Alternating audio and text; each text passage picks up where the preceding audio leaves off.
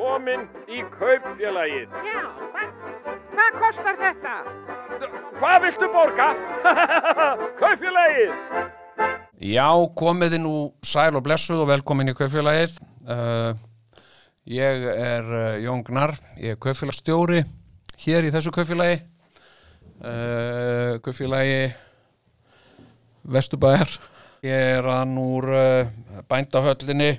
Ég er með brakandi nýtt uh, bændablað hérna fyrir framann mig. Þetta er sjönda tölublaðið í ár uh, sem að held ég að hljóti nú að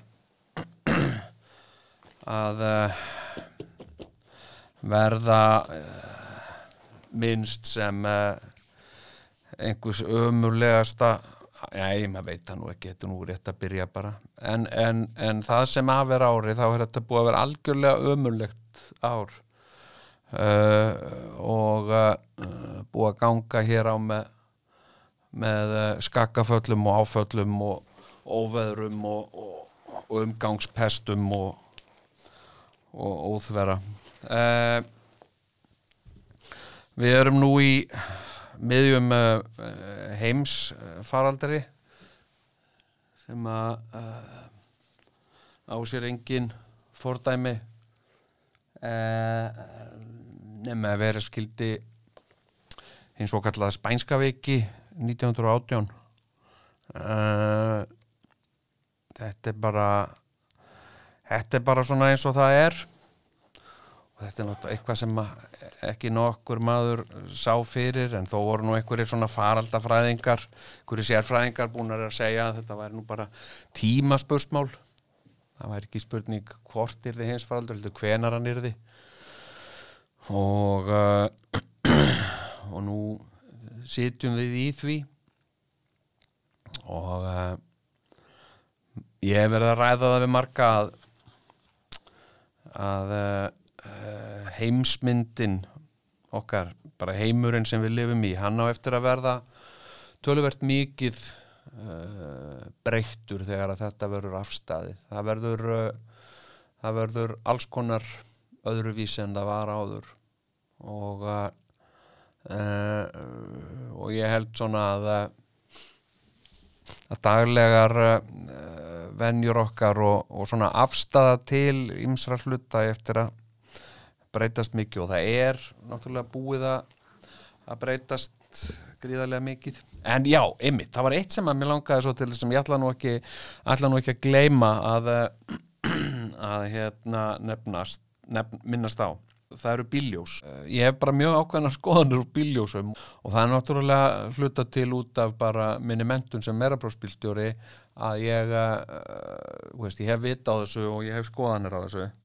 Það fer, það fer afskaplega mikið í töðunar á mér uh, að fólk skul ekki gefa uh, stefnuljós. Og ég verð mest var við þetta sko þegar ég er út að lappa með hundin minn. Og ég tek, ég hef með stóran hund þannig að ég þarf að taka svona svolítið röskar göngur með hann uh, lappa kannski hálftíma allt upp í klukkutíma og, og, og hlusta gærnan á, á einhvað podcast á, á, á meðan uh, uh, og er núna sko svolítið mikið að hlusta á Joe Rogan og mér finnst hann ofta ágættur og, og þegar ég er í þessu svona hérna, þetta er líka bara ákveðin hugleisla fyrir mig að, bara lappa og, og, og, láta segja mér sögur og hlusta á einhvern bladur og bara sipa og þið eru að gera sko. ég hugsa að ég, ég sé svona kannski ákveðin uh, hugleisla fyrir marga. Og uh, síðan eru bílar á, á ferð bílar að koma og fara og hérna og sumir keira beint áfram og aðrir beigja til vinstir að hæri eða eitthvað. Og, og hérna og ég náttúrulega hef svona annað augað á bílónum sko. Uh, að ég veit að fólk er líka bara að keira í alls konar ástandi uh, og uh, sérstaklega ef ég er að lappa yfir götu og og hérna og hvort sem er á gangbröti eða ekki, menn að sumstaðar er ekkit bóð upp á gangbrötir ef maður þarf að fara yfir götu þá, þá, þá uh, uh, þar maður bara ofta býða færis og uh, sæta færis þegar, þegar engin bíl er en, en hérna uh, ég verð svo oft fyrir því að, að ég er að keira og ég sé eitthvað bíl koma keirandi og ég hugsa já, hann er að þessi bíl er bara halda, hann er bara að keira hérna áfram að keira fyrir mér. En síðan allt í einu mjög snögglega stundum beigir bílinn bara og kemur aðvifandi oft rétt upp að mér og, uh, og hérna án þess að gefa stefnuljós. Þetta fyrir ógeðslega í dögadramar og ég mér líka bara bregður stundum svo mikið. Að ég er niður sokkin, ég er að hlusta á Joe Rogan tala við einhvern skemmtilegan og, og þeir eru að hlæja og ég er að hlæja með og svo allt í einu kemur svona bíl og, og ég hef sko, og ekki bara bregður mér, heldur hundinu mínum bregður líka oft gríðarlega mikið. Uh, og hérna og þetta er bara mjög óþægilegt og þess vegna reyni ég alltaf að passa sjálfur. Ég, ég reyni að bara venja mig á það. Ef ég er að beigja hvort sem það er einhver eða ekki, ég bara alltaf ef ég beigi þá bara gefi stefnuljós, mér finnst það bara mér finnst það bara heilbrið skynsemi og uh, og hérna og annað varandi ljós sko, sérstaklega í svona uh, vetrarfærð að, uh, að hérna það er líka eitt sem, sem, sem sko ég þreytist ekki að benda fólki á að þegar þú reynsar snjóa bílnuðinum uh, kemur út af mótni og bílinn þinn er alveg á kafi í snjó og þú skefur hann af þú, þú, þú sópar snjó af rúðunum og, og, og af speglunum og, og svona. En þú veist, fólk á líka að, að reynsa af ljósunum. Það er allt og margir sem sko reynsa samvesku samlega rúðurnar, speglana en gleyma ljósunum, keira síðan af stað í hálfmyrkri og uh, með snjó fyrir ljósunum þannig að bíllinn er í rauninni eins og hann sé bara ljóslaus. Og, og þetta er náttúrulega bara, uh, bara hættulegt. Og hérna og, uh, og þetta er hugsunarleysi mjög mikið hugsunarleysi. Svo er annað sem að ég sko hugsa nú oft um sérstaklega þegar ég keiri keiri í, í hérna uh, út á landi, millilandsflutta og svona hérna aðalega þessi ágæti ringvegur þjóðvegur eitt uh, og, er, og þetta skil ég ekki alveg. Og ég hef alltaf alltaf að, að reyna að fá einhverja skýringu á þessu. Það er mjög mikið af bílum uh, svona nýjum bílum er, sem, sagt, sem eru komin með ljós sem eru svona kringlótt ljós sem eru alveg neðst framan á bílunum og, og hérna og þetta eru svona týrur uh, uh, hérna og uh, og það eru rosalega margir sem kveikja ekki sagt, aðaljósin og bílnum sínum heldur eru bara með þessar týrur tvær. Og þær eru svo niðri við jörð að það, að það ná ekki alveg almennilegri lýsingu. Og ég hef áhyggjur af því til að fólk er að keira í myrkri eða hálfrökri að það bara sjá ekki almennilega framfyrir sig. Og, uh, og hérna og hérna og ég sko, og ég hef svo eins og, eins og margir aðrir ef ég, mæti ljóslausum bílum uh, í myrkri eða, eða rökkri eða, eða slæmu skigni þá blikka ég þá og þá setja þær á ljósin en, en, en hérna ég, ég byrja á því að- sko, að blikka þessa bíla sem eru með þessi, þessar týrur þarna niður við jörðinni, ég veit ekkert hvað þessi ljós heita einu sinni. Og, uh, og hérna og uh, en þetta er svo mikið og sérstaklega er þetta áberandi uh, þegar að uh, túristar eru á bílaleigubílum. Mest allir túristar á öllum bílaleigubílum vera með svona ljós er ekki með aðaljósin á og, og hérna uh, og hérna uh, og ég var blikkandi og blikkandi. Og ég, þetta var bara orðið svona ég var farin bara sko að líða einkennilega með þetta en ég var bara blikkandi annan hvern bíl sem ég mæti. Og þá er ég að tala um, veist, ég er ekki að blikka bíla á daginn uh, þó ég viti alveg að það sé alltaf uh, skilda að vera með ljósin. En þetta er bara svona þegar slæmt skikni eða rökkur eða myrkur þá, þá, þá finnst mér það bara skilda mín að blikka blikka fólk öryggis þess og annara vegna. En, en hérna uh, og ég hef tekið eftir því sko, þegar að bílar eru ljóslusir og ég blikka þá þá, þá kveika þér á ljósan og veitar að ég er ekki með ljósin. En þegar ég blikka fólk sem er með þessi þessar, þessi, þessi kattaraugu þarna neðst niður við veginn uh, neðst á stöðarunum þegar ég blikka það fólk þá er eins og það ha, hvað er hann að blikka? Mér er með ljósin. Þetta er rosa skrítið. Ég hérna, þetta er eitthvað svona hérna kannski er löggan eitthvað að gera í þessu ég veit það ekki. Ég, ég hérna hef svo sem ekki hef svo sem ekki uh, fylst með því. En uh, þetta er nú uh, svona ákveðin út úr dúr hjá mér. Ég það er svona ímislegt sem liggur fyrir í þættinum í dag. Ég ætla aðeins að, að dreipa á nokkrum nokkrum málum og og hérna ræða um uh, mikilvæg mál og, og síðan svona kannski mál sem er ekkert sérstaklega mikilvæg en, en, en líka mér á hjarta og, uh, og hérna uh, ég ætla að ég ætla að byrja á því að fara yfir hérna pistil sem að ég, ég skrifaði á Facebook og uh, það sem að uh, já, ég er svona eins og margir aðrir búin að vera í einhverju svona sjálfskeipaðri einangrun og ég og, og fjölskylda mín höfum uh, sloppið hinga til við, við uh, COVID uh, smitt og, og en auðvitað hafa komið upp einhverjar aðrar pestir og, og, og fólki mín í fjölskyldu hefur farið og látið testa sig og hefur uh, semst, reynst ekki vera með þetta heldur vera með þessa bara uh, venjulegu flensu og uh, og hérna en uh, allur er varin góður og ég hlýði við uh, og ég veit ekki hvort að ég hef minnst á það hér en ég og við erum við erum tímenningar og uh, og hérna auðvitað hlýði ég frænda en uh, en hérna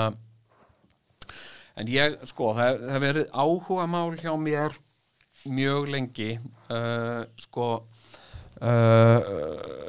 upphaf uh, byggðar á Íslandi og og og af hverju hvaða fólk var þetta sem, sem, sem, sem kom hingað af hverju kom það hingað og hvenar kom það hingað? Og uh, uh,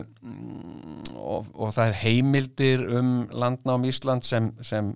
sem, sem gjarnan uh, já, var að minnst okkur stuðst við hérna mm, var voru náttúrulega Íslendingasögur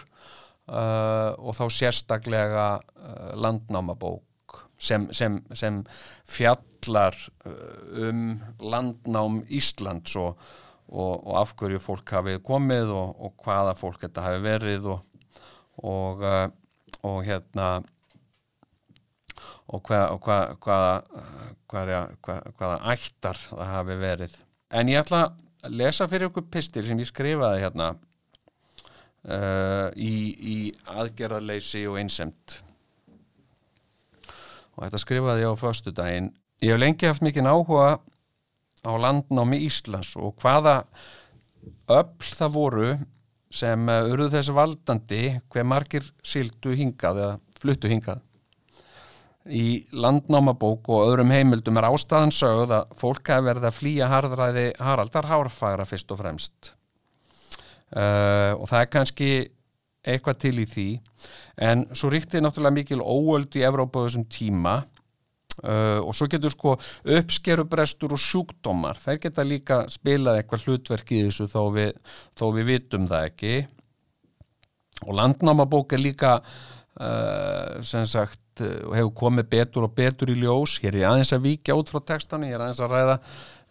víkja út frá mín megin texta sem er, sem er í lagi. Uh, sko, það er komið betur og betur í ljós að, að landnámubók er, er, er meira uh, miklu meira pólitíst plagg heldur en söguleg heimild. Og uh, en ég sko hef grúska mikið í þessu og, og lesið margar bækur og mikið fræðigreinar. Ég, mér finnst gaman að lesa uh, fræðigreinar eftir, eftir uh, vísindafólk sem hefur verið að rannsaka þetta. Uh, ég hallast að því að, að, að Ísland hafi frá öndverðu uh, eins og er reyndar enn verið mjög gjöfult og, og, og ríkt af náttúrulegum auðæfum og, uh, og það er uh, nokkuð talið uh, nokkuð, nokkuð víst að, að rostungar hafi lifað hér við Íslands strendur bara eins og þeir lifa við Grænland í dag og hafi kæft hér og, og, og, hérna og svo er þetta mjög mikið af, af geirfugli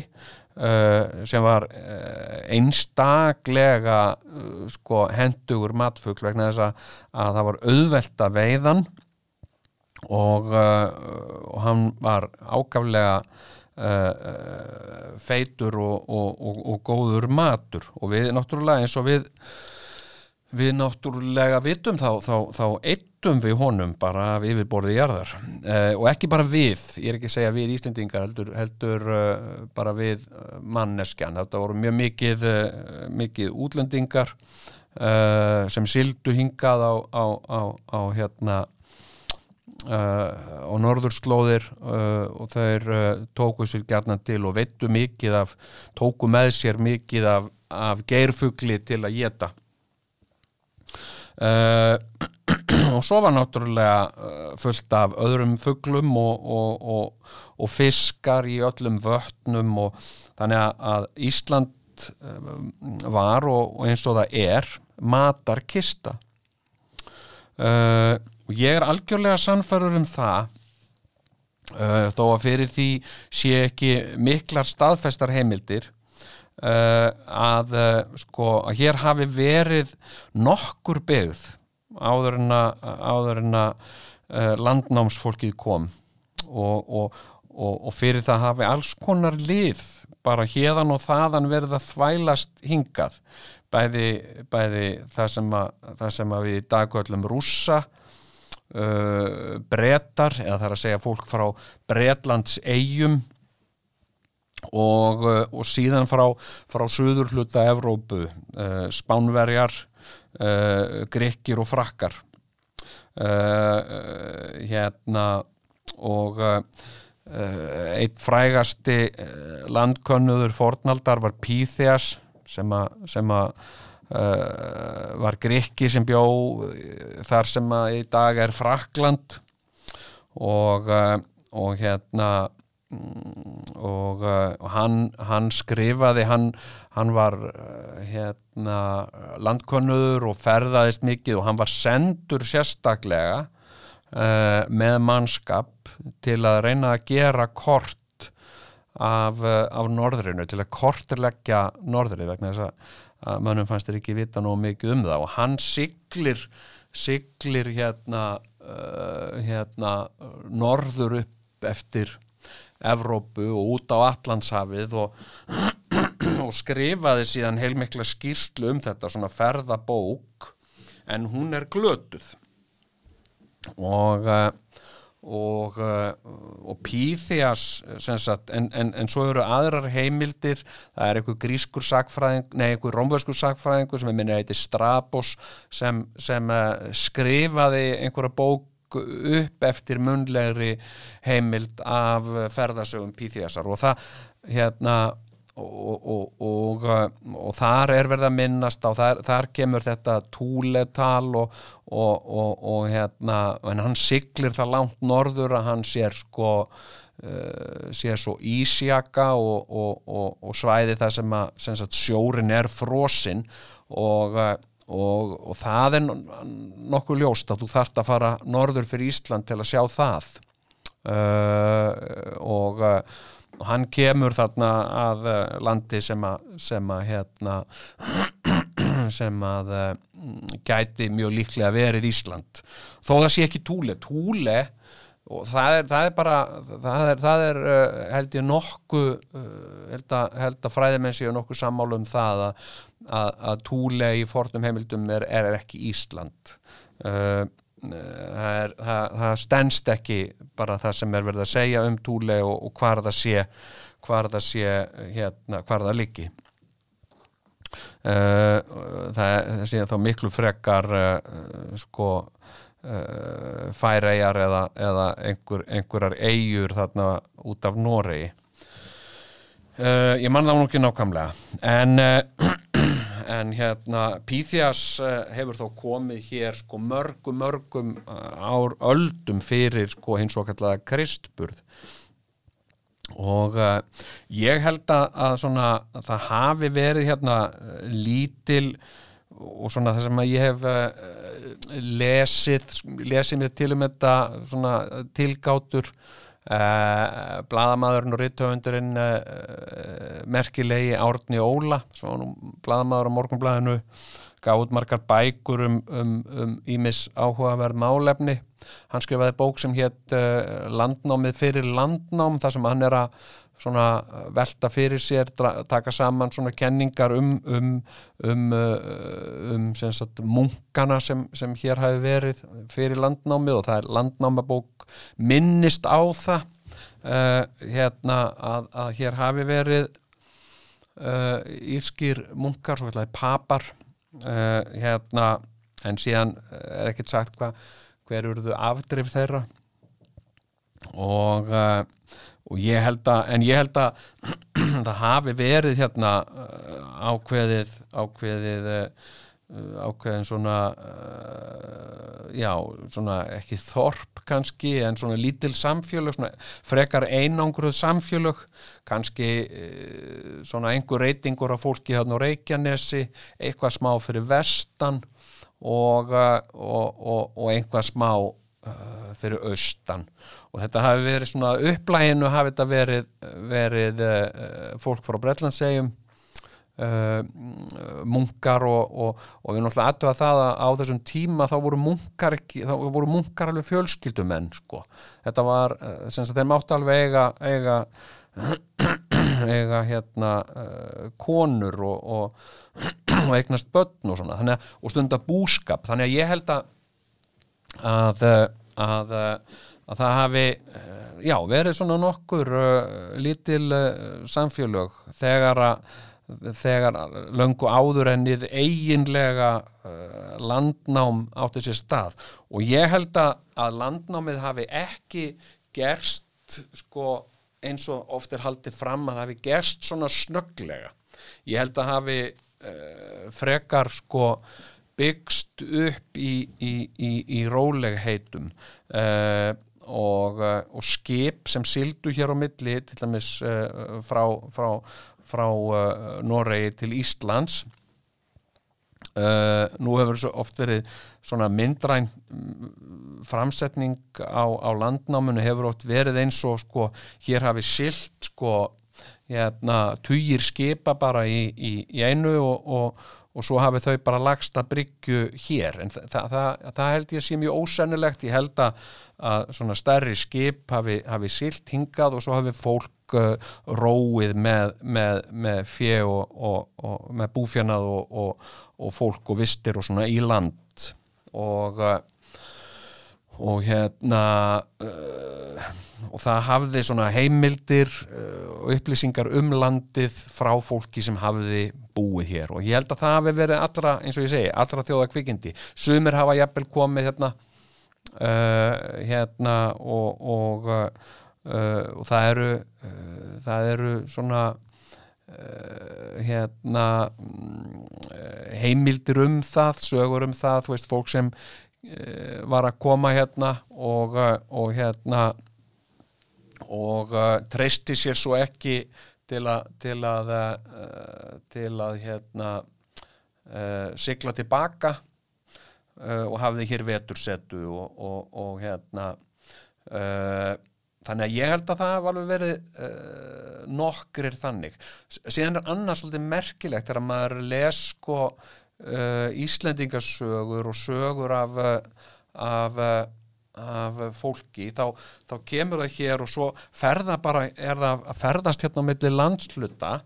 og, uh, og það hlýtur það, það bara segir mann, það hljóta hafa einhverjar, einhverjar mertar leiðir, einhverjar gönguleiðir Uh, hérna þú veist, þegar að þegar að uh, sko, var það ekki, var það ekki auður djúbuðka sem, að sildi skipi sín einhver staðar hjá Eirarbakka eða Selfossi einhver staðar þar og, og sildi þar í strand með allan sinn mannskap og þetta var 20-30 manns og, uh, og þau sagði, já, já, nú er nú góður á dýr, hvað gerur nú? Jú, herðu, löpum upp á Kalanes, bróðið minn og heima þar og þá, lappa þau, þá bara lappa þau hérna uh, sagt, sko, og það er bara eins og það hefði tekið rútuna vegna þess að, að, að þau eru bara allt í hennu komin upp á Kalanes, komin upp í Kjós og hérna og uh, það hljóta náttúrulega að hafa verið einhverjar mertar þjóðleiðir uh, og jafnvel sko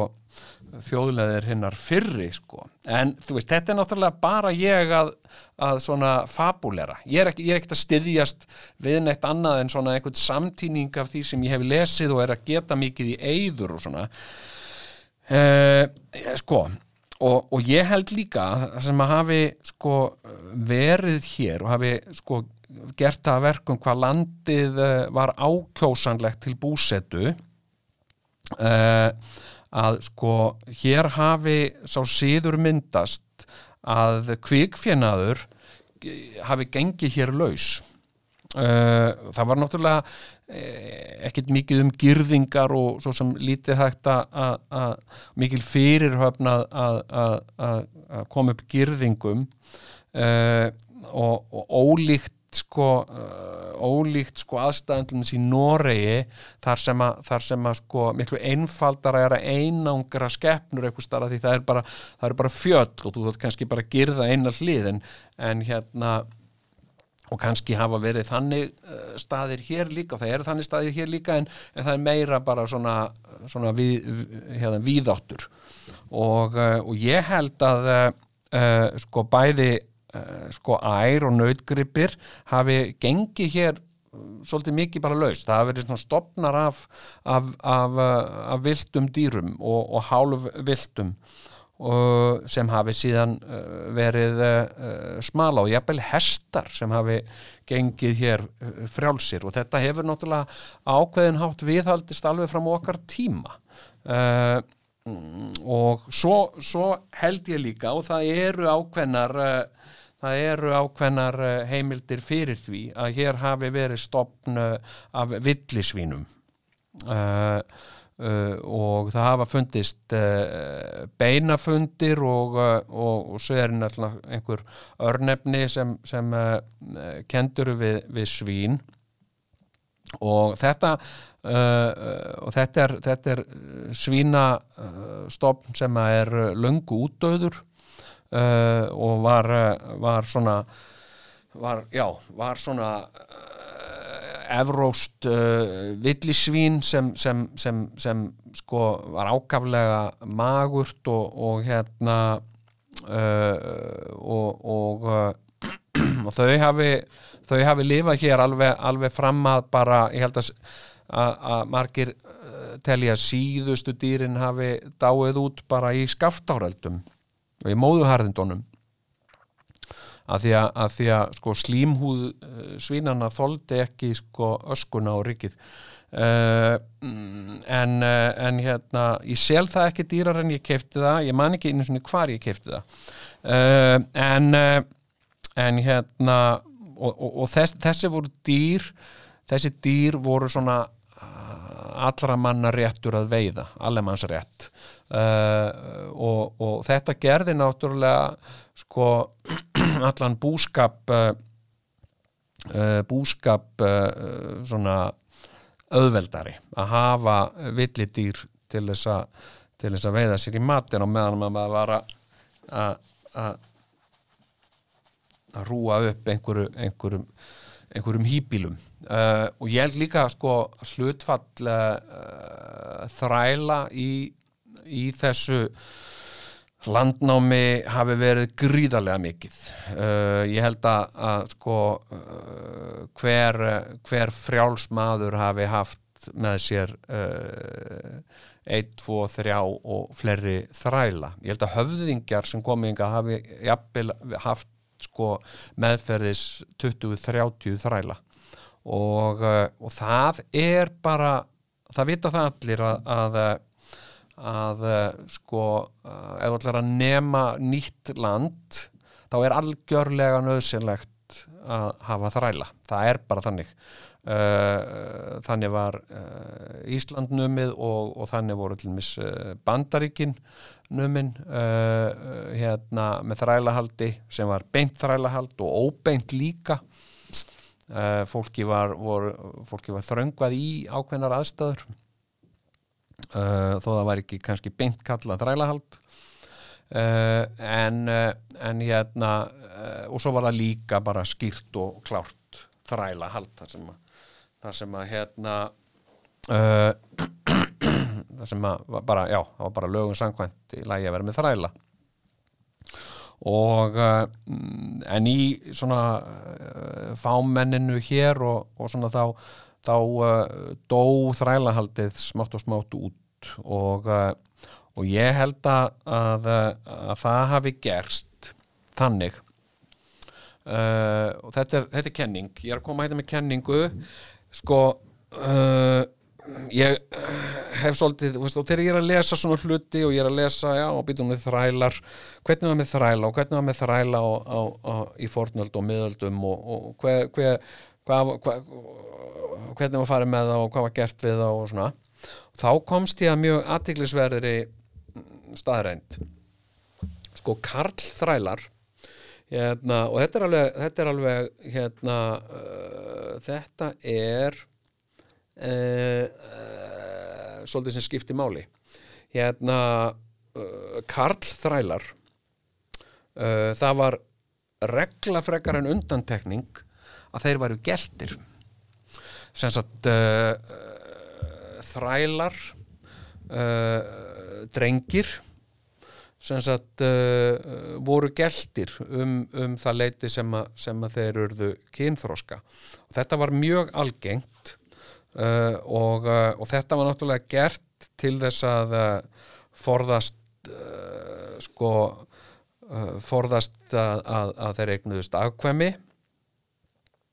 uh, og uh, og hérna uh, eða spjölluðu sko hérna uh, sko ambáttir. Og það var annað líka með sko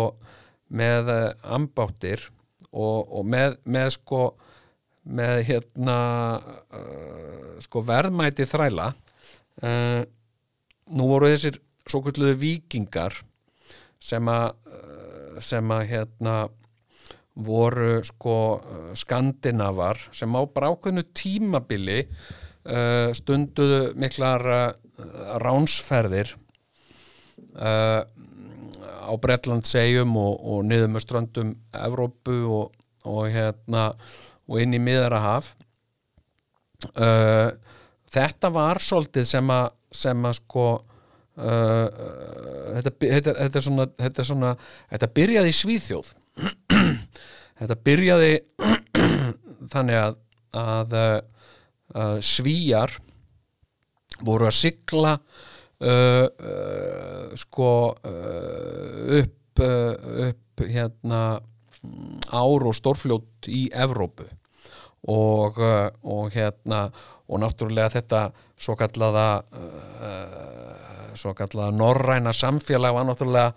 á þessum tíma voru ekki lönd til með sama hætti og við þekkjum það í dag. Þannig að, að svona uh, þetta mótaðist svolítið af, af tungumálinu og, og, uh, og þetta var menningar samfélag sem tegði sig. Noreg, Danmörku, Svíþjóð hluta af, af, af, uh, Þískalandi hérna Lettland, Litáen og, uh, og niður til Bretlandsegja, norður hluta uh, Bretlandsegja og, og til dæmis orkneyjum, orkneyjar voru,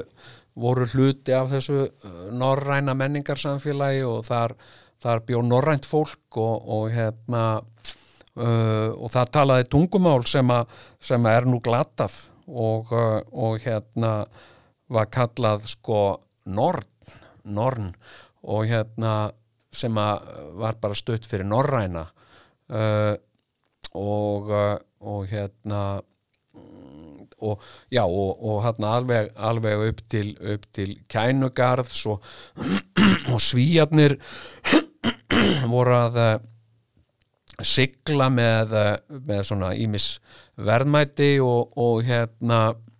og fara á markaði og, og, og, og, og, og svona díla og vila og selja og fá eitthvað annað í staðinn og, og, og, og þessi ferðalög báruð á endanum uh, til uh, Konstantinopel og uh, sem að uh, er í dag Istanbul og uh, og hérna uh, Mikligarður ég vona að ég sé að ekki að fara með fleipur. Hérna og, uh, og það er alveg heimildir sko norrænir menn uh, ferðuðust uh, alveg gríðarlega mikið sko. Uh, hérna og eins og sem að les uh, sko uh, söguna af Haraldi Harðaráða ekki Haraldi Hárfara heldur Harðaráða þá þá, þá sildi hann uh, hann fór til dæmis til, til, til Jórsala til Jérúsalem þannig þetta, maður sér náttúrulega að fólk er að, að ferðast náttúrulega gríðarlega langar langar eh, hérna uh, sigla langar leiðir. Og hvort sem að það var silt sko farið sjóleiðina eða silt svona eftir ám og fljótum og síkjum og svona upp í gegnum Evrópu. Uh, og ég þekki svo ekki alveg nákvæmlega hva, hva, hva, hvaða leiðið þeir fóru. Og hérna og uh, sko uh, og þarna var uh, þjóðflokkur eða, eða hópur norræna manna sem kallaðir voru rús sem að mér skilst að hafi áttu upprunna sinn í, í hérna í Svíþjóð og, uh, og, og, og þetta fólk, þetta rúsfólk er það sem sem, sem, sem sagt, rúsland er síðan, síðan byggt á sko. Og uh, þetta er merkilegt. Ég komst að því uh, þegar ég fór til Kíf í, í fyrra að sko að Kíf Kíf sko hét íslenska heitið við Kíf er kænugarður og Kíf hét kænugarður löngu löngu áður en að það hét Kíf uh, vegna þess að þetta var uh, þetta var norræn, norræn byggð. Og uh, uh, svíjarnir svíjarnir uh, stóðu í þessu og, og hérna á meðan að Danir og, nei, norðmenn og Danir voru meira bara svona sinna búskap og svona en síðan voru náttúrulega alls konar konfliktar og, og hérna og þarna voru uh, sko hérna uh, frakkar mikið að sæ, sækja í sig veðrið og, og herja þarna uh, á, á, á þjóðflokka í norðri og, og hérna og það var svona það var alltaf einhver skálmöld og skærur í gangi hér og þar og, og kannski kannski sagt uh, já líklega fóru uh, svíjarnar engra varhluta af því og urðu kannski fyrir árásum og jafnvel að einhverjir hópar uh, þetta var náttúrulega svona halvgert vilda vestur sko. Og, uh, og alls konar gætt skeð sko. Og, og svona alls konar eins og við sjáum í kúregamyndum það, það var mjög líklega uh, að gerast þarna. Menn gáttu snúist uh, gegn einhverjum bandamönnum sínum þegar þeim hendaði það og, og hérna og, og, og í staðin fyrir að, að, kaupa vörur af einhverju þá gott að bara tekið þar með vopnavaldi, með ofbeldi og hérna er náttúrulega miklu ódýrara og, og, uh, og, og þá byrja svíjarnir að- svona vopnvæðast og, og sína að þeir getur nú líka svarað í sömu mynd og, hérna uh, uh, og svíþjóð uh, efnast eða svíjar efnast mikið á þessu og danir og norðmenn fara að horfa öfundar augum til þeirra og hérna og fara síðan að leika sama leikin og, og, uh, og það, það er alveg ljóst sko, til dæmis sko, það sem að tala, tala hérna uh, talað, talið marka upp af hins svokallaða vikingatíðanbils hins svokallaða vikingatíðanbils er, er árásinn á, á, á klaustrið Lindisfer á Bretlandsegum uh, og uh, og hérna og þá hafi norðmenn verið komin með skip en það eru til heimildir löngu fyrir löngu fyrir það að, eh, að hérna eh, að sko að eh, að íbúar á, á, á Bretlandsegjum hafi átt viðskipti við norðmenn og danni þannig að þetta var ekkert í fyrsta skipti og þeir vissu alveg að hverju þeir voru að ganga, þeir voru ekki að sigla eitthvað út í einhverja óvissu, þeir voru búin að fara þetta áður. Og og hérna uh, þannig að, að þetta var bara ákveðið og einhverja hluta vegna og kannski var þetta upprunlega kannski hugsað sem ég meina hvernig fer vargöld af stað? Einhver gerir eitthvað og einhver annar hefnir fyrir það og, og síðan fer tvennum sögum af því hvað hafi gerst en menn telja sig hafa leifi eða, eða ástæðu til þess að, að fara með vopnavaldi eða einhverjum öðrum vegna þess að þeir hafi móðgað einhvern, eða eitthvað sko. uh, oft er þetta byggt á miskilningi og, og hérna og, og, og kannski uh, hérna er yfirlýst ástæðan einhver heiður uh, og eitthvað svoleiðis á meðan er raunverulega ástæðan er græðiki uh, hérna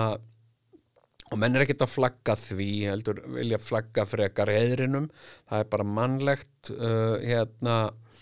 og uh, nema þarna hefst vikingaöldin uh, uh, og, og, og normenn er, er, er að sigla aðalega á, á hérna á langskipum sem er svona uh, mjóskip sem, sem henda mjög vel til þess að, til að, að, að þau rist ekki djúft og, og þannig að þau, þau, þau henda mjög vel til strandsiglinga. og, uh, og hérna en þetta er ekki skip sem að sko þó þau getið silt þarna við Norðursjó þá, þá, þá er þetta ekki sko útafskip, Þa, það er alveg sínt að það, það er mjög erfitt að sigla þessum skipum í miklum öldugangi uh, hérna og þannig að, þannig að það var engin svona skip svona langskip, þessi svo kallu vikingaskip með, með drega höfðinu framann, það var engin svona skip fundist hér á Íslandi. Skipin sem, sem fólk sildi á hinga til Íslands uh, voru, voru svo kallu knerrir sem, að voru belgvíð uh, skip sem, sem, sem, uh, sem, ristu djúft höfðu, höfðu góða kjölfestu og henduðu til, a, til að sigla langar leiðir oft með mikinn farm og hægt að tróða eh, alltaf sko uh, 30-40 manns í svona skip og síðan helling af rollum og alls konar tækjum og tólum og dóti. Og hérna uh, það voru ekki herskip, það voru svona byrðarskip. Og þau voru oft með í þessum með í þessum hérna uh, í þessum sko herleðungurum en, en, en hérna en þau voru svona notuð sem byrðaskip á meðan að langskipin sild upp að landi og, og drápu fólk og tóku þræla. Og það var veldi vikinga uh, byggðist mest upp á,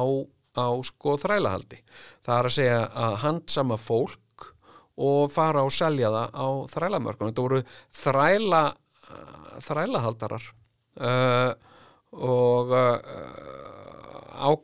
álíka uh, mikil göfugmenni og, og, og gæjarnir sem, sem, sem tóku handsömmuðu kunta kynnti síðan setna og, og, fluttu yfir til Ameríku til að uh, vinna á plantegoronum þar. Uh, eða til að þræla á plantegoronum þar og hérna og þá fegst sko meira meiri peningur fyrir geldan karl heldur en ógeldan á mörkuðunum í, í Miklagarði uh, og, uh, og þar fegst uh, hærra verð fyrir óspjallaðar megar en, en, en, en, spjallaðar uh, hérna og og hérna og þetta er náttúrulega bara business með fólk bara eins og með, með, með, með búfé sko. þetta var bara uh, og hvað gerur þú ef þú ert með, með dýr sem að þú vilt ekki sagt uh, að fjölgi sem vilt ekki ala undan en þú náttúrulega bara geldir þau. Og, og það var bara gert þannig við, við Karl Þræla og ég held að þetta sé til mis ein megin ástæða þess að þegar að genamengi okkar Íslendinga hefur verið skoða þá hefur, uh, þá hefur til dæmis komið í ljós að, að, að hlutfall af, af, af svona keltnesku blóði í okkur er, uh, er hérna mest í kvenlegg. Það er að segja sko uh, konur, þetta hefur reynd stóðum undir það að, að þeir þrælar sem að, sem að komið hafi verið með hinga til Íslands uh, hafi aðalega verið uh, sem sagt ambáttir, hvern fólk en ég held að það hafi verið sko ekkert síður karlmenn. En, en hérna heldur, og heldur hafi þeir verið sko geldingar, þeir hafi verið geldir og, og hérna þannig að, að, að sko þegar að hinga var komið þá, þá hérna þá uh, þá bara lifðu þeir hér og dóu svo einhver tíman en, en, en, en gáttu ekki af sér neinn afkvæmi og meðan að ambáttetinnar uh, sko eignuðu skjarnan börn uh, með frjálsumönnum og svo voru lögin um þetta þau voru alls konar þannig og til dæmis að ef að, að ambátt eignaðist sko sveinbarn með, sem sagt, ef, að- ambátt eignaðist uh, stúlkubatn með frjálsum manni þá, þá hérna varð stúlkubatnið uh, ambátt. En ef að hérna ambáttin uh, sem sagt eignaðist uh, dreng þá, þá varð drengurinn frjáls maður. Og, og hérna og karlmenn voru meira metnir uh, heldur, en, heldur en konur. Og svo er annað líka í þessu og þetta er kenning meðal fræðimanna að, uh, að hérna þetta kann að hljóma alveg svakalega súrt sko. En hérna en hérna sko það er talið að uh, ein af, ein, ein af ástæðum þess að fólk uh, sem sagt að menn fóru í þennan viking og líka að, að, að menn hafi sem sagt komið hingað með, með, með silt hingað. Uh, það var náttúrulega skortur á, á jarðnæði í, í, í Noregi og uh, eh, en, eh, en hérna en svo var sko mjög líklega sko fólkslutfallið í landinu á þessum tíma sko alveg gríðarlega sko mikið af karlmönnum en, en fáar konur og þetta uh, er skipt með því að þetta hafi verið svona ákveðinhátt uppsafnaður vandi. Það er að segja að, sko uh, kallmenn þóttu verðmætari og það þótti merkilegra að eignast, eignast uh, dreng en stúlku. Uh, uh, og, og, og einhvað hafi verið um það að stúlkubörn hafi jafnvel verið borin út. Uh, og síðan náttúrulega voru lífslíkur kvenna uh, miklu minni en karla á þessum tíma og, uh, og, og algengasti uh, sko, algengasta dánárorsu kvenna var barspurður, það var svo mikið af konum sem, sem, sem dóu af barspurði og, og, þetta var til þess að, að það varð það varð kvenskortur uh, og uh, og hérna og svo er eitt sem að er ótrúlega merkilegt. En þetta er læknisfræðilega staðreind og uh, ég kann ekki að útskýra hana nákvæmlega. En, uh, en hérna rauðarðar konur eru ólíklegri til að deyja af barspurði en aðrar konur. Þetta er svolítið merkilegt uh, og það hefur einhvað með mjadmabygging uh, rauðharðra kvenna er öðruvísi heldur en hjá konum sem ekki eru rauðharðar og uh, ég kann ekki að útskýra þetta. Og, en líklega hafa menn átt að segja á því að, að, að það væri sko ef þú vildir eignast börn þá væri svolítið sniðut að reyna að eignast þau með rauðharðri konu. Og, og þær voru náttúrulega í miklu magni þarna á Bretlandsegjum og, uh, og hérna og þess vegna held ég að, að og það held ég hafa verið eina ástæðan þess að, að menn fóru sérstaklega þanga til að sækja sér konur því það var, væri, væri svona, það væri taldar gaglegri uh, til barneigna heldur heldur en aðrar. Og hérna og, og svo var náttúrulega hægt að taka þær bara uh, sem sagt uh, taka þær haldi og bara sigla með þær hingað uh, og hérna uh, og ég held að þetta fólk sem að ég, oft farið í töðan með þetta vikingatal uh, hérna að Ísland sé eitthvað vikingaland og, og hérna vegna þess að, að það, það var það ekki. Vikingar voru bara í þremur löndum, Noregi, Svíþjóð og Danmörku það sem að þeir voru með uh, svona aktífa vikingastarfsemi það fór engin vikingastarfsemi fram hér uh, ekki bein. Það, það eru einhverjar heimildir sem eru náttúrulega ekki einhverja staðrendir en það eru heimildir um einhverja sem hafi silt hérðan til að fara í viking en það var ekki hérðan þeir, uh, vikingurinn var ekki sko útgerðin var ekki hérðan það var engin vikingaskip hér sem sildu einhvert út í heim og komu svo aftur hérna heim til Íslands með ránsfengin. Það var, var ekki þannig. Uh, uh, hérna og þetta með saganum Egil, Egil Skallakarímsson og hérna sko Uh, hann stundaði hann er nú að tala um hann sem eitt frægasta eða frægasta hérna, íslenska vikingin uh, hann stundaði engan viking hérðan uh, hérna hann var, ég held líka bara það sem segir í, í, í eigilsögu um æsku eigils, ég nú bara þvæla. En, en það getur vel verið að hann hafi farið hérðan Uh, sem ungur maður, hann, hann er fyrsta kynnslóð Íslendinga þegar Ísland er ekki í rauninni þjóð sko, heldur þetta bara norðmaður sem fættist hér og, uh, og hérna upp í borgarfyrði og, og hérna og síðan hjælt hann utan og, og, uh, og hérna og svona vann fyrir sér svolítið sem, sem málaliði og auðvitað líka sem skáld og hérna Uh, og þetta hefur einhvern veginn aldrei gengið almenlega upp í höfðun og mér sko. Uh, vegna þess að ég man ekki eftir sko, jú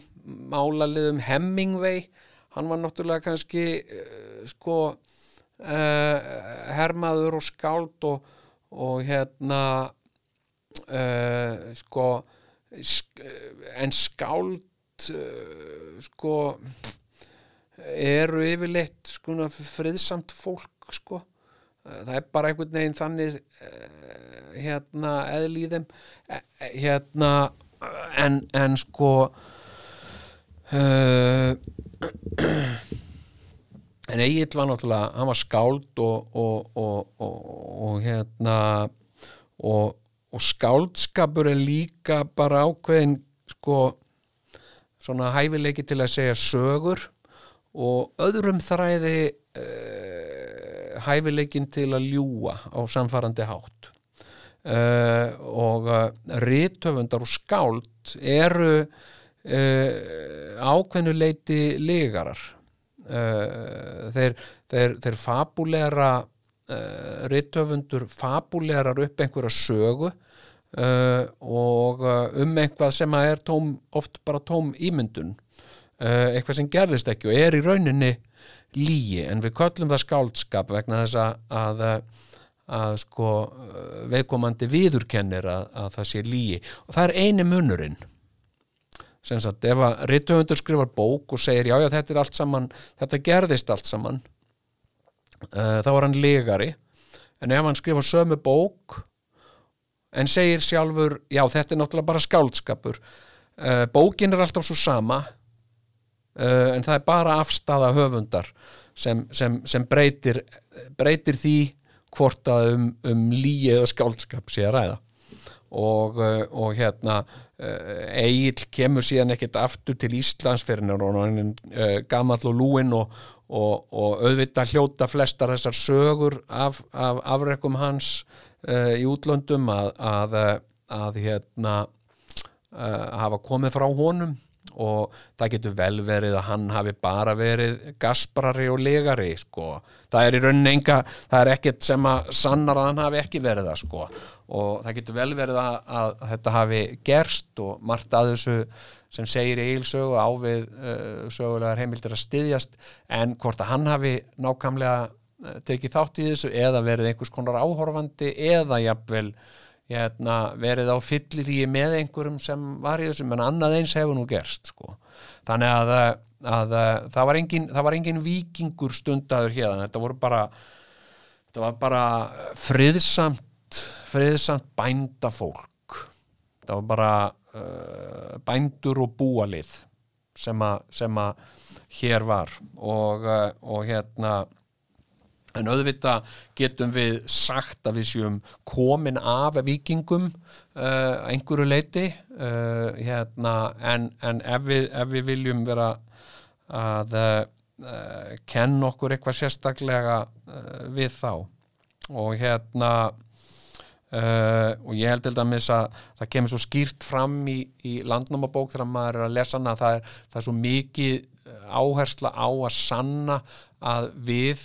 séum ekki komin af þrælum vegna að það, það hafa allir vita það uh, og uh, því að hlutfallið af ófrjálsu fólki var svo mikið sem sildinga og hérna og hérna og þetta, þetta er náttúrulega svona í þetta er að, þetta er að verða þetta er að verða uh, þetta er orðið viðurkent í í, í,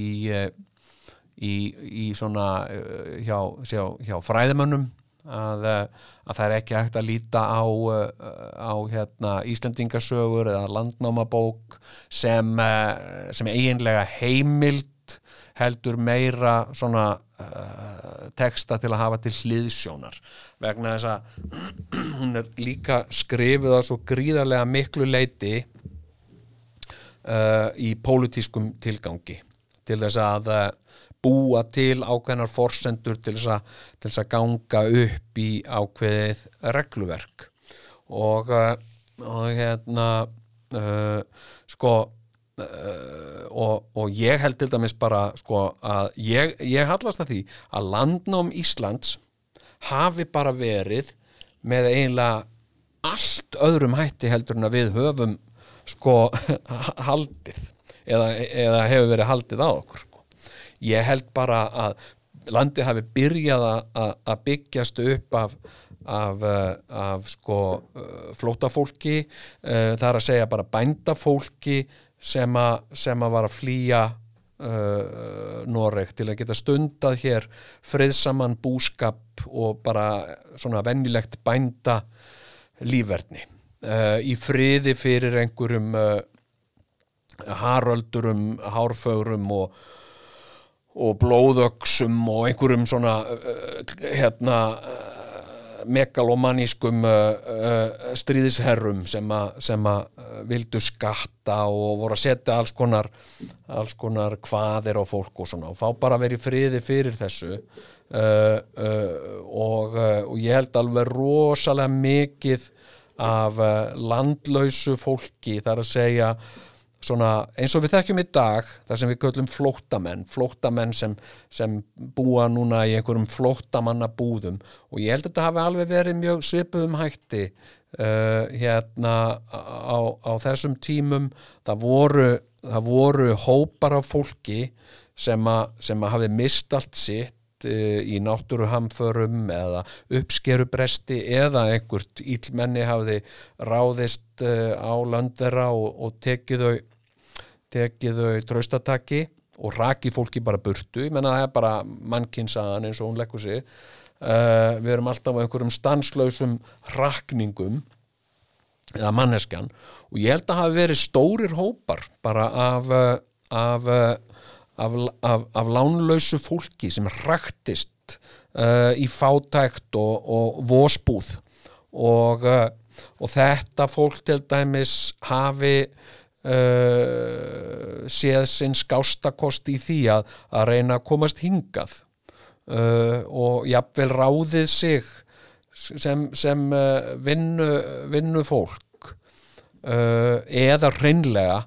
verið, verið neftir þrældóm. Uh, og þetta var varnarlaust og, og hérna uh, og það var ekkert á þessu fólki að græða það var ekkert að ráðast á það til þess að ræna neinu af þeim, það átti ekki neitt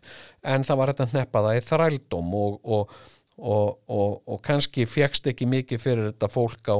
á, á þrælamörkunum í Miklagarði en, en hérna en hérna uh, en þú kannst nota til þess að að plæja og móka uh, upp á Íslandi. Og hérna uh, og þannig held ég að, að, að hérna þetta hafi nú svolítið verið og þetta fólk hafi komið bara ekkit sérstaklega hérna, og þetta er reyndar sko uh, hérna fordleifa fundir uh, sem sagt sko það hefur sínt sér í fordleifa fundum að, að það að þetta að, að, að sko fólki sem hinga hafi komið, hafi komið mest frá vesturstrund Noregs og jafnvel eitthvað aðeins frá Norður Noregi það bara uh, það, það hefur ekki verið staðfest með, með fórlega rannsóknum. Þetta fólk virðist bara vera komið svona hérðan og þaðan sko, og mjög mikið þarna frá, frá Breitlandsegjónum og, og þar var náttúrulega uh, hérna uh, fólk til og með svo orknegjum og, og, og eigunum þarna uh, norður af Breitlandi sem að, sem að þekkti vel svona uh, lífsætti eins og við hefum að venjast hér. Það er að segja að lifa í, í, í, í nálæð við, við, við, við sjóin og, og hérna og að sigla og, og, og allt þetta. Og hérna og, uh, og veðrið hérna á Íslandi er ekkert ósvipað og veðrið á norður Breitlandi þetta eru svona þetta eru köld sumur og, og mildir vetur þannig að fólk vissi svolítið af hverju það var að ganga held ég. Og, uh, og hérna ólíkt uh, norðmönnunum sem að, sem að uh, voru vanari sko uh, sem sagt fimbulköldum veturum, alveg rosalega kaldir vetur í Noregi það sem, það sem frostið fer jafnvel upp í 30 gráður. En, en hérna en síðan, þú veist, þokkalegum sumrum og, uh, og bara góðum sumrum í mæ er bara uh, er bara komið sumar það er ekkert endilega komið sumar hér í mæ sko. uh, sumari kemur hér ofta ekkert fyrir bara í loku júni sko. þannig að, þannig að það, það getur verið mjög breytilegt á milli ára en, en, en hérna en hérna uh, og það eru það eru, mil, það eru köld sumur uh, Ísland er, er íslenska sumar er kallt og uh, og hérna þannig að uh, já og svona uh, ég held að þetta hef bara verið svolítið allra, allra þjóða kveikindi og líka held ég að margir svona sagt einhverjir kannski vikingar eða málaliðar eða eitthvað sem að sem að uh, töpuðu einhver staðar, einhverju stríði hafi sagt og voru þá í rauninni rétt dræpir að þeir hafi uh, sko uh, séð sinn kostvænst að bara flýja hingað og láta sér hverfa hér þar sem öllum væri nákvæmlega sem að enginn myndi nenna að sigla hinga norður eftir til að drepa þá. Og, uh, og hérna og ég held ég að fólk hafi skipt um nafn. Uh, og það er eitt sem við skulum aldrei hérna vanmeta. Uh, hérna sko að þó einhver heiti eitthvað þá, einhver staðar þá þarf hann ekki endilega að heita það einhver staðar annar staðar. Uh, og þetta hafa uh, sko, hefur fólk á flóta og glæpamenn uh, uh, notað óspart í gennum tíðina. Breytum nafn, skipta bara um nafn taka sér nýtt nafn. Hérna, og þegar að, þegar að hérna, höskuldur hálfviti er, er, er, er dæmdur sko uh, hérna rétt ræpur hvar sem hann hvar sem hann uh, finnst og jafnvel einhver greiðsla fyrir þann sem getur drefið höskul tálvita hann getur bara flutt sig eitthvað annað og, og, og, og þar getur hann bara þó steita Brynjólfur. Er þú ekki þessu höskuldur? Nei, nei, nei, nei, ég heiti Brynjólfur. Og hérna, það er náttúrulega engar ekkert internet og engar myndir til að fólki og hérna, og svo er bara mikilvægt fyrir Brynjólfa að, að geta einhvern veginn rakið ættir sínar. Ef einhver fer að spyrja hann, býtu Brynjólur, hvað hva rætta er þú? Jú, ég er sonur uh, uh, þessa katt sem að hann vissi þá fyrirfram að veri döður og, og, og, og alls konar svona. Og þetta er stór hluti af landnámabók sko, þetta er stór hluti af henni, bara svona að, reyna að make a sense úr alls konar uh, alls konar flökkusögum og, hreinum og klárum legasögum. Eh, fyrsti landnemin eh, á Íslandi eh, er, er, er sagður hafa verið eða sem sagt fyrsti sá sem settist hér að er, er sagður hafa verið Ingólfur Arnarsson uh, og, og hérna uh, landnámabók segir það. Ingólfur Arnarsson og Hjörleifur fósbróður hans og Helga sýstir uh, Ingóls já. Uh, hérna uh, og það er svolítið merkilegt sko hérna Ingólfur Arnarsson ef við skoðum aðeins söguna um hann og hérna er ég ekki fræðamaður, ég er bara svona plebbi sem hef áhuga og velta þessu fyrir mér og, og hérna Ingólfur Arnarsson uh, uh, sem sagt samkvæmt uh, landnámu á að hafa silt hingaði átt til Íslands uh, og síðan hafa hann tekið öndvegi súlutnar sínar og fleikt þeim í sjóin og sagt, haha, ég ætla að gera ég ætla, við sem flegjum þessi sjóin og svo bara siglu við og eftir í það sem þetta rekur á land og þar ætla ég að reysa bæinn minn. Og allir bara, vá, þetta er þetta er snildar pæling Ingólfur. Og hérna uh, en þegar maður fer að skoða þetta og bara ef að fólk uh, hérna veltir þess aðeins fyrir sér þá er þetta náttúrulega bara þvæla. Uh, öndvegi súlutnar voru sko dýrgripir sem, a, sem að höfðingjar uh, fóru vel með og, uh, og hérna og þetta voru, þetta voru oft uh, sko útskorið og málað af, af, af listamönnum og, og hérna og þarna voru alls konar hlutir sem að, sem að táknuðu ímislegt, þarna voru ták sem táknuðu uh, hver þú varst og hver var þín staða og það voru verndartákn á þessu og þetta voru dyrgripir. Það hefði engin heilvita maður flekt öndvegi súlónum sínum í sjóin og það eru engar heimildir um svona siglinga aðferðir.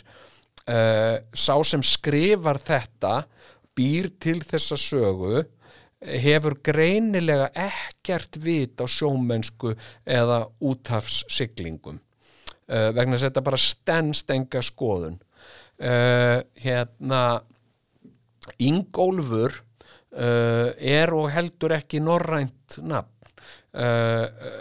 Hafi verið maður sem hétt einhverju söpuð þá, þá hefði hann frekar og líklega heitið Ingúlfur. Það er það er uh, það er norrænt nafn Ingúlfur eða bara Úlfur. Uh, og uh, nafnið Ingólfur er, er mjög líklega búið til af manni sem hafði ekki alveg fulla kunnáttu í íslensku. Hjörleifur fósbróður hans hann fer til Vestmanneia og, og þar ákveða þrælarnir hans að drepa hann uh, og, og hérna uh, og og þeir voru vestmenn sem að, sem að er fólk frá Breitlandsegjum þeir drepan og, og fela líkið ef ég mann þetta rétt, fela líkið einhver starf og segja að hei, segjum að Björn hafi drefið hann og, uh, og allir, ha, já, förum og finnum björnin það vita það allir uh, hérna, þetta er eitthvað svona vestalíi sem hægt er að segja að björn hafi drefið hann vegna þess að eru engir byrnir á Íslandi. Og vestmenn koma frá, frá Breitlandsegjum, það eru heldur engir byrnir á Breitlandsegjum uh, þannig, þannig að þetta er bara bull. Þetta er bara reynd og klárt bull sem gengur ekkert upp. Ef ég hefði drepið einhvern náttúrulega að ljúa þá var miklu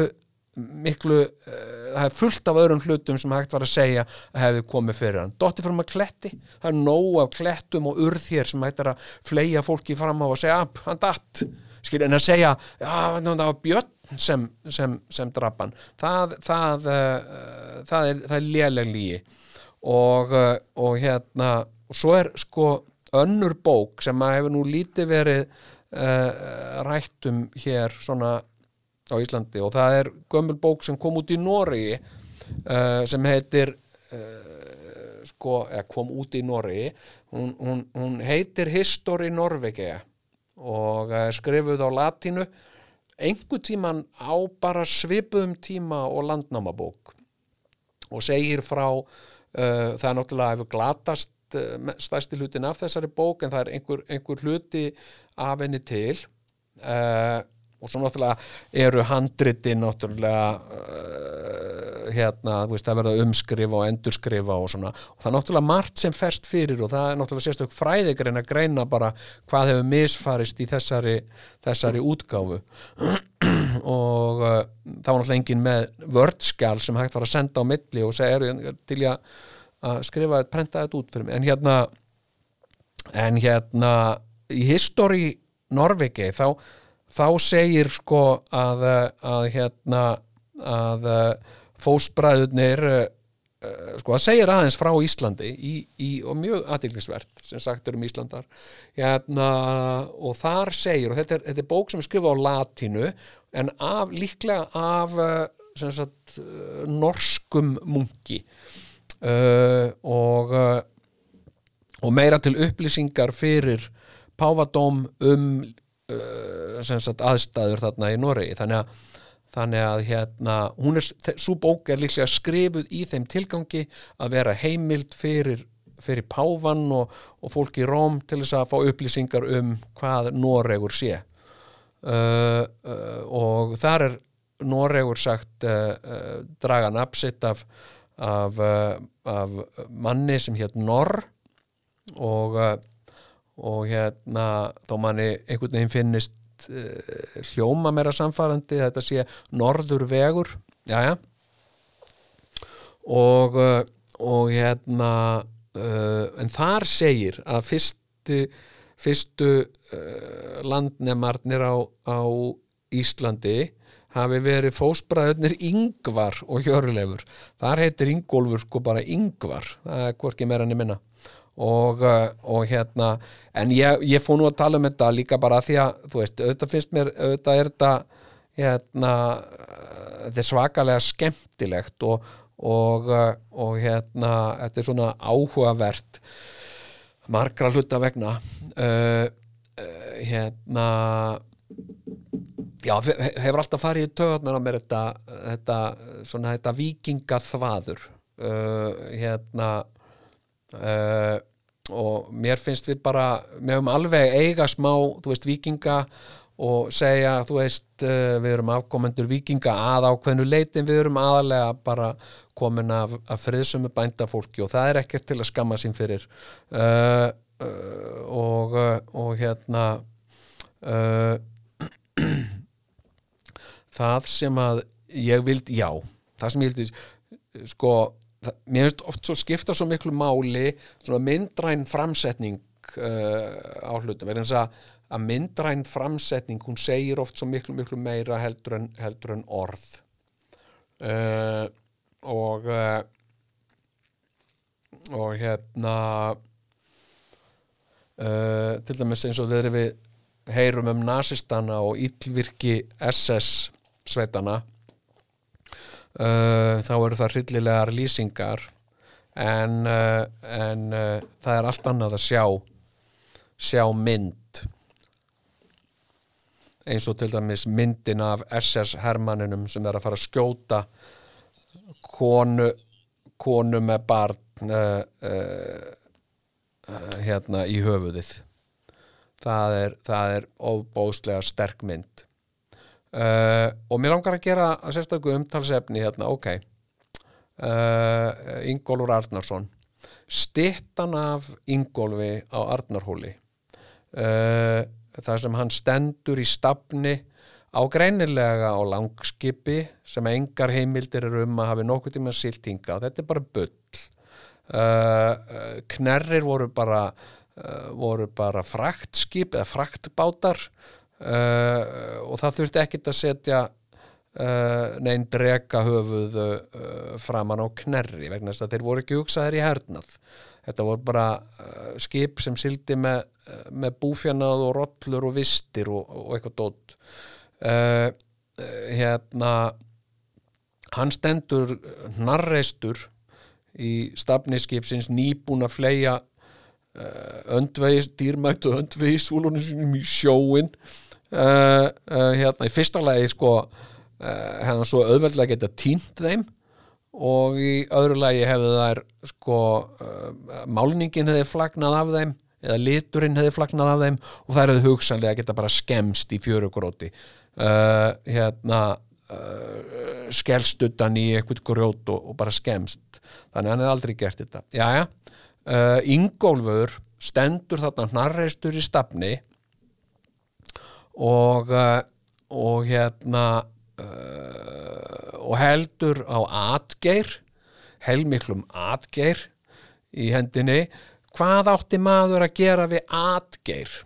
hér einhver staðar á, á uh, út, yfir, út fyrir Íslandi? Ekki nokkuð það er engin að koma hérna að fara að ráðast á hann. Hann er ekkert við neitt atgeir að gera. Uh, hérna uh, Ingólfur er með hjálm á höfðinu uh, uh, hérna, sem er líka ennþá tilgangslausari heldur en, heldur en atgeirinn hvað á maður að gera hver, hver siglir hér eitthvað staðar í kringum Ísland með hjálm á höfðinu ekki nokkur einasti helvita maður hjálmur er, er hérna er eitthvað bara versta sem þú getur verið með á höfðinu í, í, í sko, í pusi til dæmis að það skvettist yfir því sjór hjálmur er ekki að verja þið neitt uh, hérna og, og, og, og annað hann er úr játni og, og, og ját, játn verður svo ógeðslega kalt. Uh, og uh, og hérna þannig að það er engin heilvita maður að sigla hér eitthvað í kringum Ísland með játnhjálm á höfðinu. Uh, þetta var þetta var svona höfuðfatt sem fólk setti á sig eða þurfti sérstaklega að fara að berjast eitthvað út af einhverju og allt í lagi, ég er ekki að segja Ingólfur getur hafa átt svona, einhver staðar í, í tösku, einhver staðar á knerrinum sínum, einn hjálm og kannski einhverja, einhverja ringabrinju, heyrðu hann er í ringabrinju á steytunni, hann er í ringabrinju uh,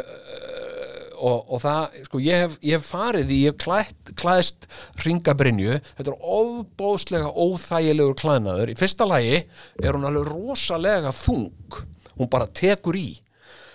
Uh, og þegar þú ert að sigla treskipi, trebáti á milli Íslands og, og Noregs þá þarftu bara að hafa þig allan við. Þú ert helst, helst að vera sko vakandi allan tíman og fylgjast með öllu uh, hérna uh, það þarf að auðsa og það þarf að taka rétt mið, alltaf reglulega uh, fylgjast með því þú sért ekki að villast af leið og þú ert bara að vera virkilega onnit og það er bara full vinna. Það er engin að fara í ringabrinju til þess að hoppa um og auðsa það er engin að, það er engin að koma. Það er engin það er, það er engin hætta sem stæðjar að þér. Uh, og uh, hérna og ég held reyndar, ég man nú ekki einu sinni hvar ég, það var í einhverjum gömlum, gömlum bókum og, og hérna uh, en sko þar var sagt að sko mann bara ekki úr hvaða bók það var að sem sagt uh, sko að Ingólfur eða Ingúlfur hafi í raun verið tveir menn.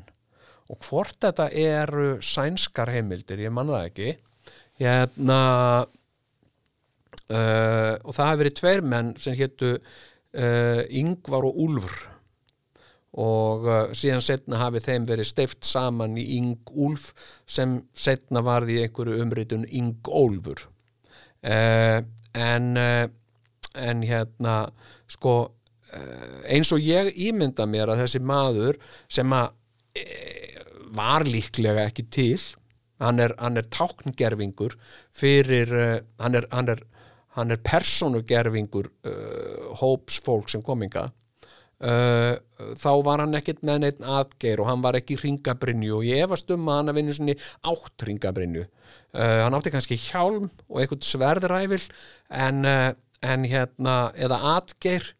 uh, uh, hérna hann átti örgulega öksi frekar en atgeir.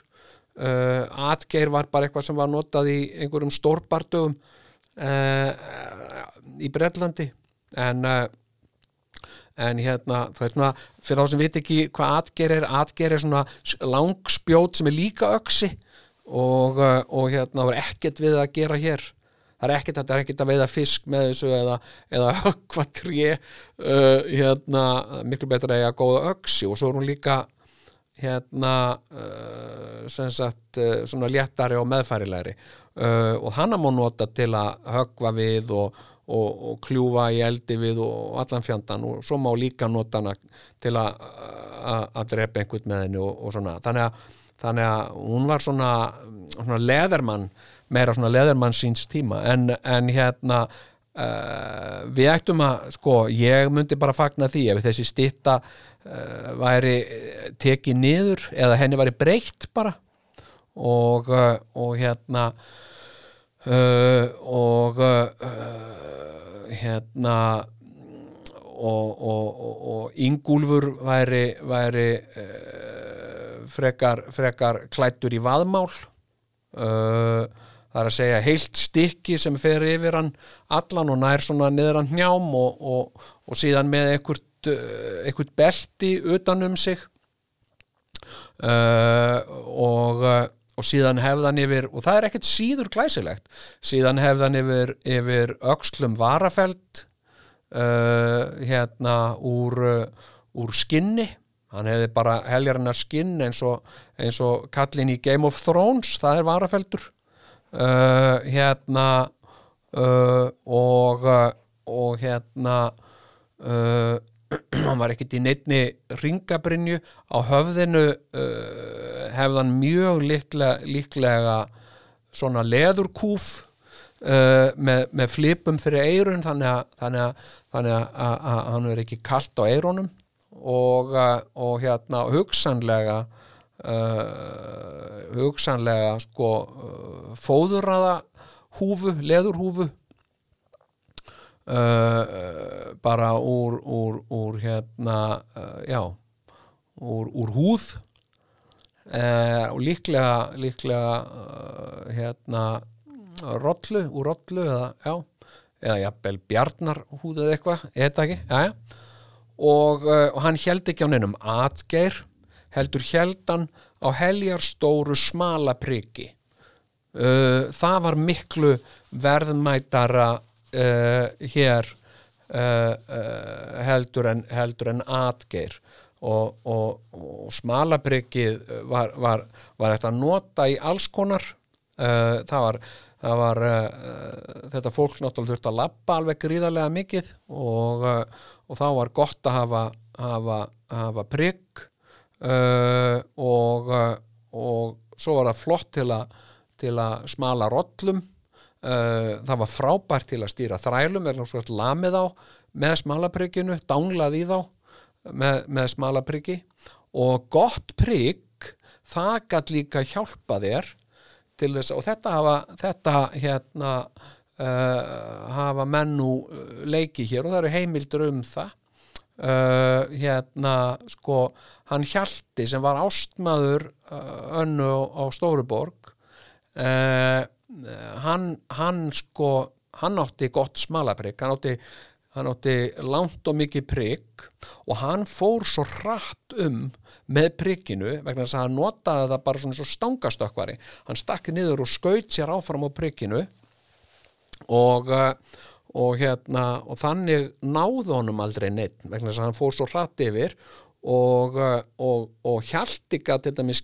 skert það sem að smalaprygg er svo gott í hann gat stokkið yfir sko keldur og skurði og, og jafnvel yfir sko uh, ár uh, yfir djúpar ár sem aðrir komust ekki, hann bara stökk það með stönginni, bara eins og stangastökkvari. Og þetta er náttúrulega bara ákveðin, ákveðin listgrein og, og þetta held ég að, að, að hérna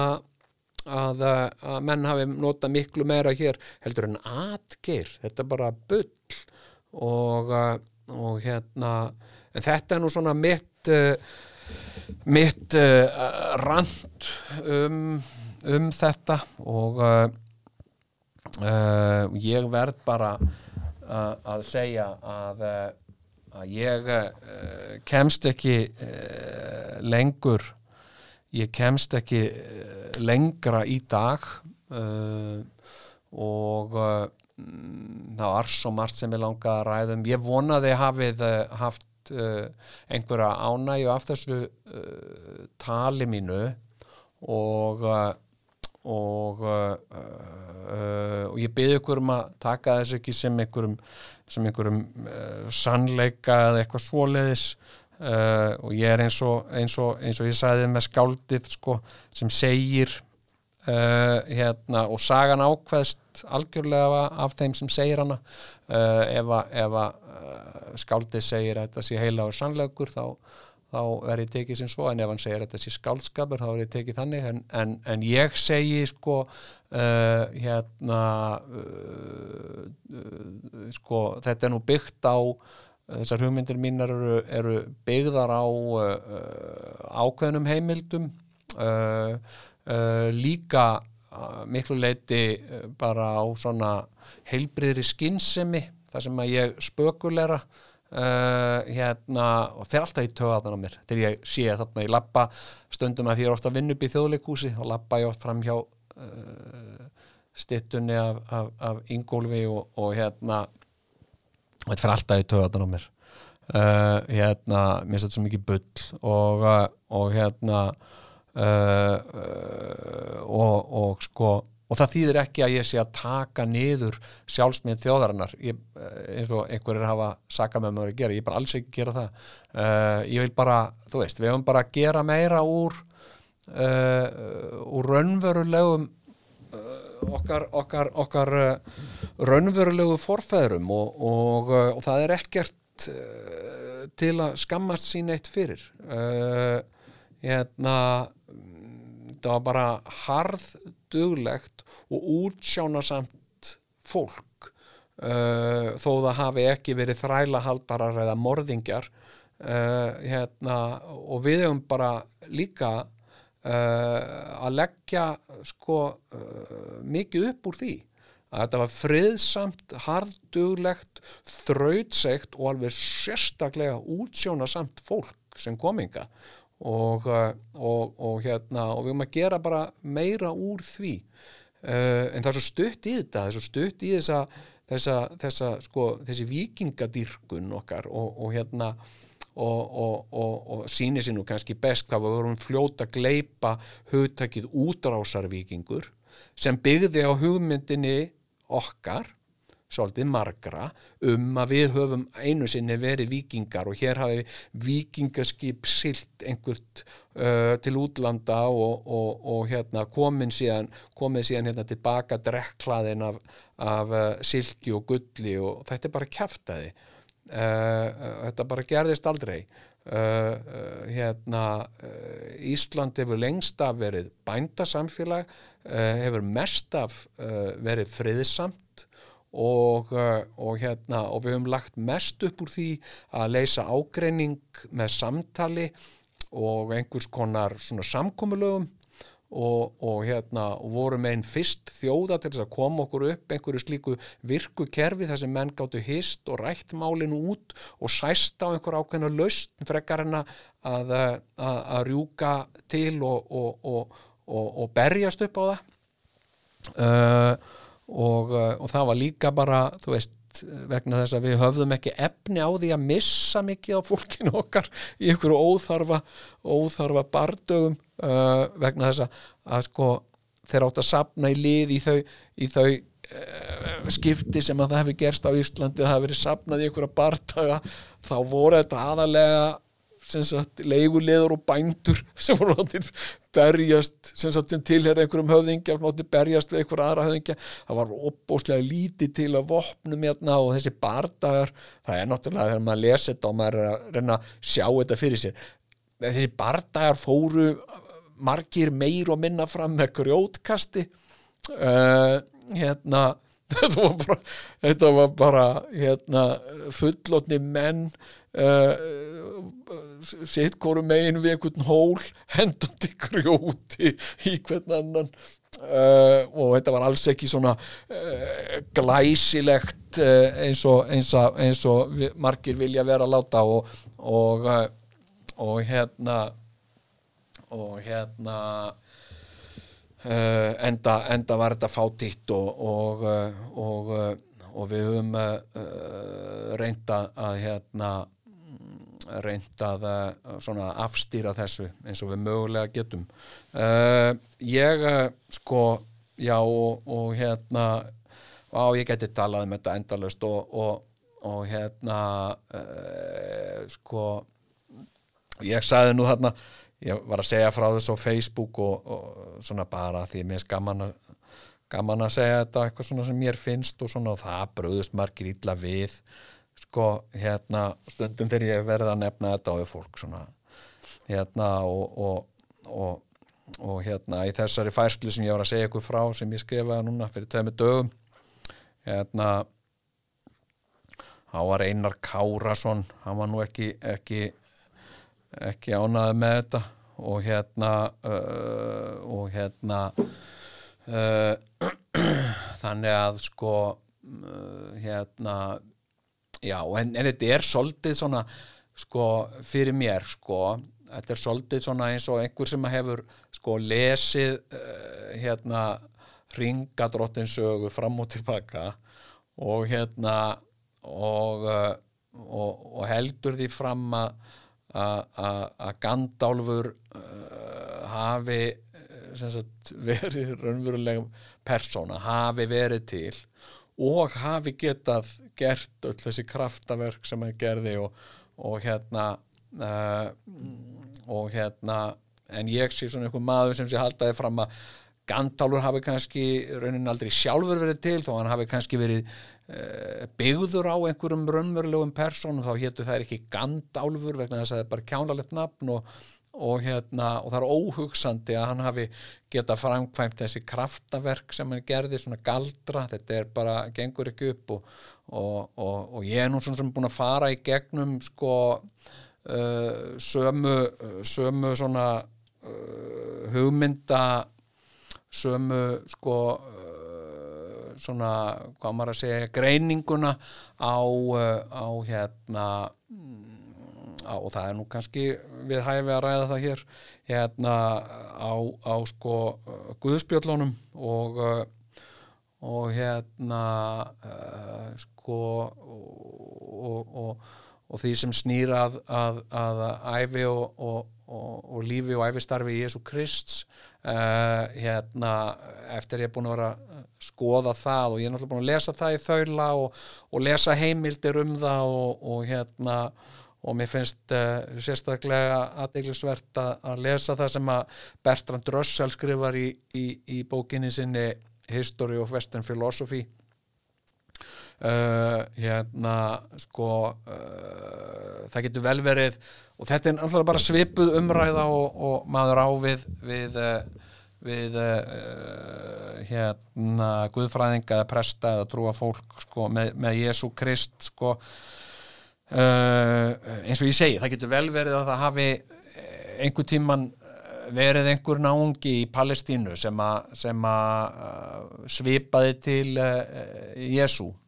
og og hérna og hafi gert eitthvað af því sem að uh, gert og sagt eitthvað af því sem, sem Jésu hafa gert og sagt. En, en hérna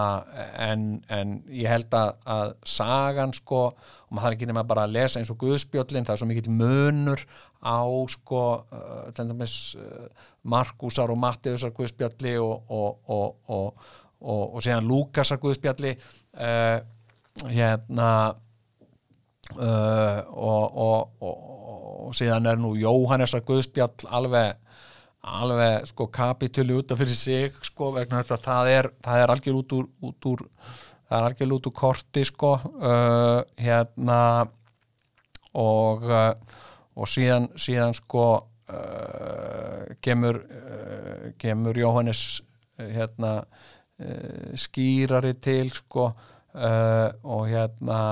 og hérna uh, og það er svo merkilegt að sko heimildirnar sko uh, sem sagt hérna sko postulasagan og, og, og þetta þetta um, um, um, um Jóhannes skýrara og brefin og svona, það er eldra heldur en, heldur en flest þessi guðspjöll. Uh, og uh, en samt er þetta allt skrifa lungu, lungu eftir, eftir að þessi Jésu var allur sko. Og, uh, og þarna er náttúrulega búið að henda inn og þetta er náttúrulega bara stíl svona fornalda bókmenta að íkja eins mikið og maður mögulega kemst upp með til þess að upphefja og gera meira úr og, uh, og hérna uh, og svona bull eins og, eins og uh, sko móðir hérna uh, Jésúsar sko hafi verið hrein mei þetta er náttúrulega bara bull. Þetta er bara, þetta er læknisfræðilega líffræðilega óhugsandi. Uh, og uh, og hérna, og eitthvað heilagur andi og, og hérna uh, þetta er bara það sér það hver- helvita maður að þetta er bull. Uh, uh, kraftaverk uh, Jésu hérna, til dæmis að hann hafi hafi hérna sko uh, hann hafi breytt vatni í vín. Það getur vel verið að það hafi gerst og það er þá bara svona ákveðið töfrabröð og, og, og, og prettir, þú veist, þetta er bara svona ákveðið fiff uh, og, uh, og kannski hefur hann verið að grínast uh, fundi vín og uh, komið með það og setta þarna það sem vatni var og satt, en tjekkja á þessu núna. Og alltaf að gera grínin allir hafi bara, wow, þú ert ógeðslega sniður. Og hann hafi ekki einhvern veginn kunna við að segja þeim að hann, hann hafi bara náði í þetta annar staðar heldur hann hafi breytt þessu. Og, uh, og hérna eh, hérna eh, sko eh, kraftaverki þegar hann vekur sko Lazarus upp frá dauðum eh, það er það er, eh, og ég held mér að segja guðfræðingar uh, flestir fallist á það. Það er setni tíma viðbót og því var bætt við til þess að uppfylla ákveðin svona kraftaverka kvóta sem, a, sem að Jésu þurfti að hafa. Hann þurfti að fremja eitt svona kraftaverk til þess að geta verið alveg gjaldgengur sem frelsari og, og hérna og þess vegna var því hent með sko eftir á. Uh, og uh, og hérna en, en náttúrulega margt að því sem hann sagði er, er náttúrulega er náttúrulega snild og, fjallræðan er náttúrulega alveg frábær og, hérna og margt sem hann gerði og svona sem að, og það skiptir rauninni ekki máli sko sem sagt uh, hvort að hann var uh, hvort að hann var til eða, eða, eða ekki til eða hvort það var einhver annar sem hvort þetta var byggt á einhverjum öðrum eða eitthvað þetta, þetta, er, þetta er alveg gott mál og uh,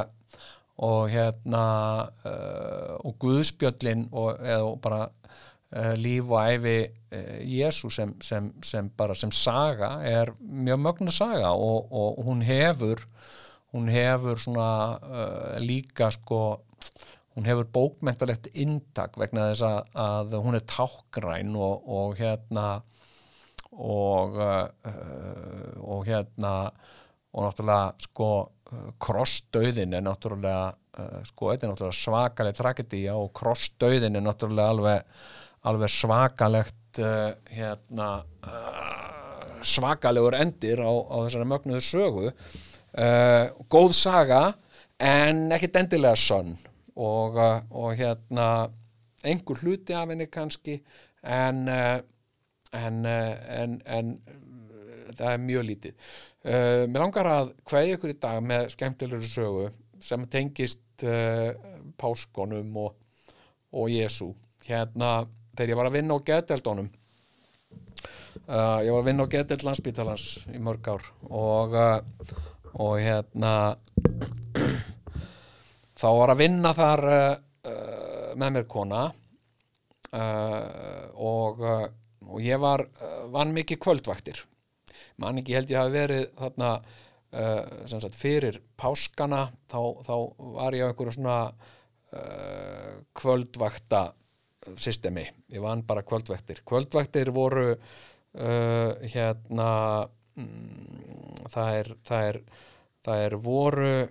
frá hvað með minni svona uh, fimm til miðnættis, eitthvað svo leiðis og þá kom næturvaktin og stundum var ég að vinna sko kvöldvakt og næturvakt uh, hérna og uh, og þetta var á, á þeim tíma þegar var verið að sína í sjónvarpinu sam-evróska sjónvarstáttaseríu sem uh, hérna hétt Jésu frá Nazaret og uh, gríðarlega uh, metnaðafull og, og, og, og flott sjónvarserja og og hérna og og þetta var sínt sko, það voru síndur þættir þarna á hverju kvöldi sem sagt uh, fram að páskum og svo var loka þátturinn á föstu daginn langa. Og uh, og hérna og það var fastur, fastur liður að, að við og, og starfsfólkið og sjúklingarnir. Það voru svo magnaði þættir að þetta var bara við horfðum alltaf á þetta. Þetta var bara, segjum eitthvað bara hálf tíu á kvöldin og, og hérna klukkutíma þáttur og, hérna og, og við horfðum á þetta og hérna og síðan voru ykkurar umræður um þetta meðal okkar uh, eftir hvert þátt og þetta var svona fastur liður í vaktinni þegar Jésu frá Nazaret þátturinn var að byrja og hérna og, uh, og síðan var það nú eins og með marga að, að, að, að margir fengu sko páskafrí. Og uh, og hérna konan sem var alltaf að vinna með mér á nætuöktum, hún var í páskafrí hún var, var sem sagt ekki að vinna á föstudaginn langa. Ég var bara þannig ég var uh, alltaf, mér vantaði alltaf penning og, hérna, og ég tók allar, allar aukavaktir sem ég er buðust og vann páska og jól og áramót og, og ég veit ekki hvað mörg áramót ég hef eitt á geðdildum landsbyttalans uh, en hérna Já, ég veit ekki hvað mörgum áramótum ég hef eitt á, á getetum landsbítalans og oft út á hort á flugveldasýningarnar út af sölunum á, á landsbítalabyggingunni en hérna en hérna já, hún var ekki á vakt þarna og svo, svo hérna svo hérna uh, svo hérna uh, horfði ég þarna á loka þáttinn og, og, og hérna hann var svakalegur og svo eftir, eftir, eftir páska þá hitti ég þessa ágætu vinkonu mína sem var að vinna með mér og, og hérna og hérna og, og ég spurði hana hérna, já já, horður á, á lokaþáttinn af Jésu frá Nazaret nei, þá sá hún, leita hann og sagði nei, ég misti af honum. Hvernig endaði þetta eiginlega Velkomin í kaupfélagið. Já, hvað, hvað kostar þetta? Hvað viltu borga? kaupfélagið.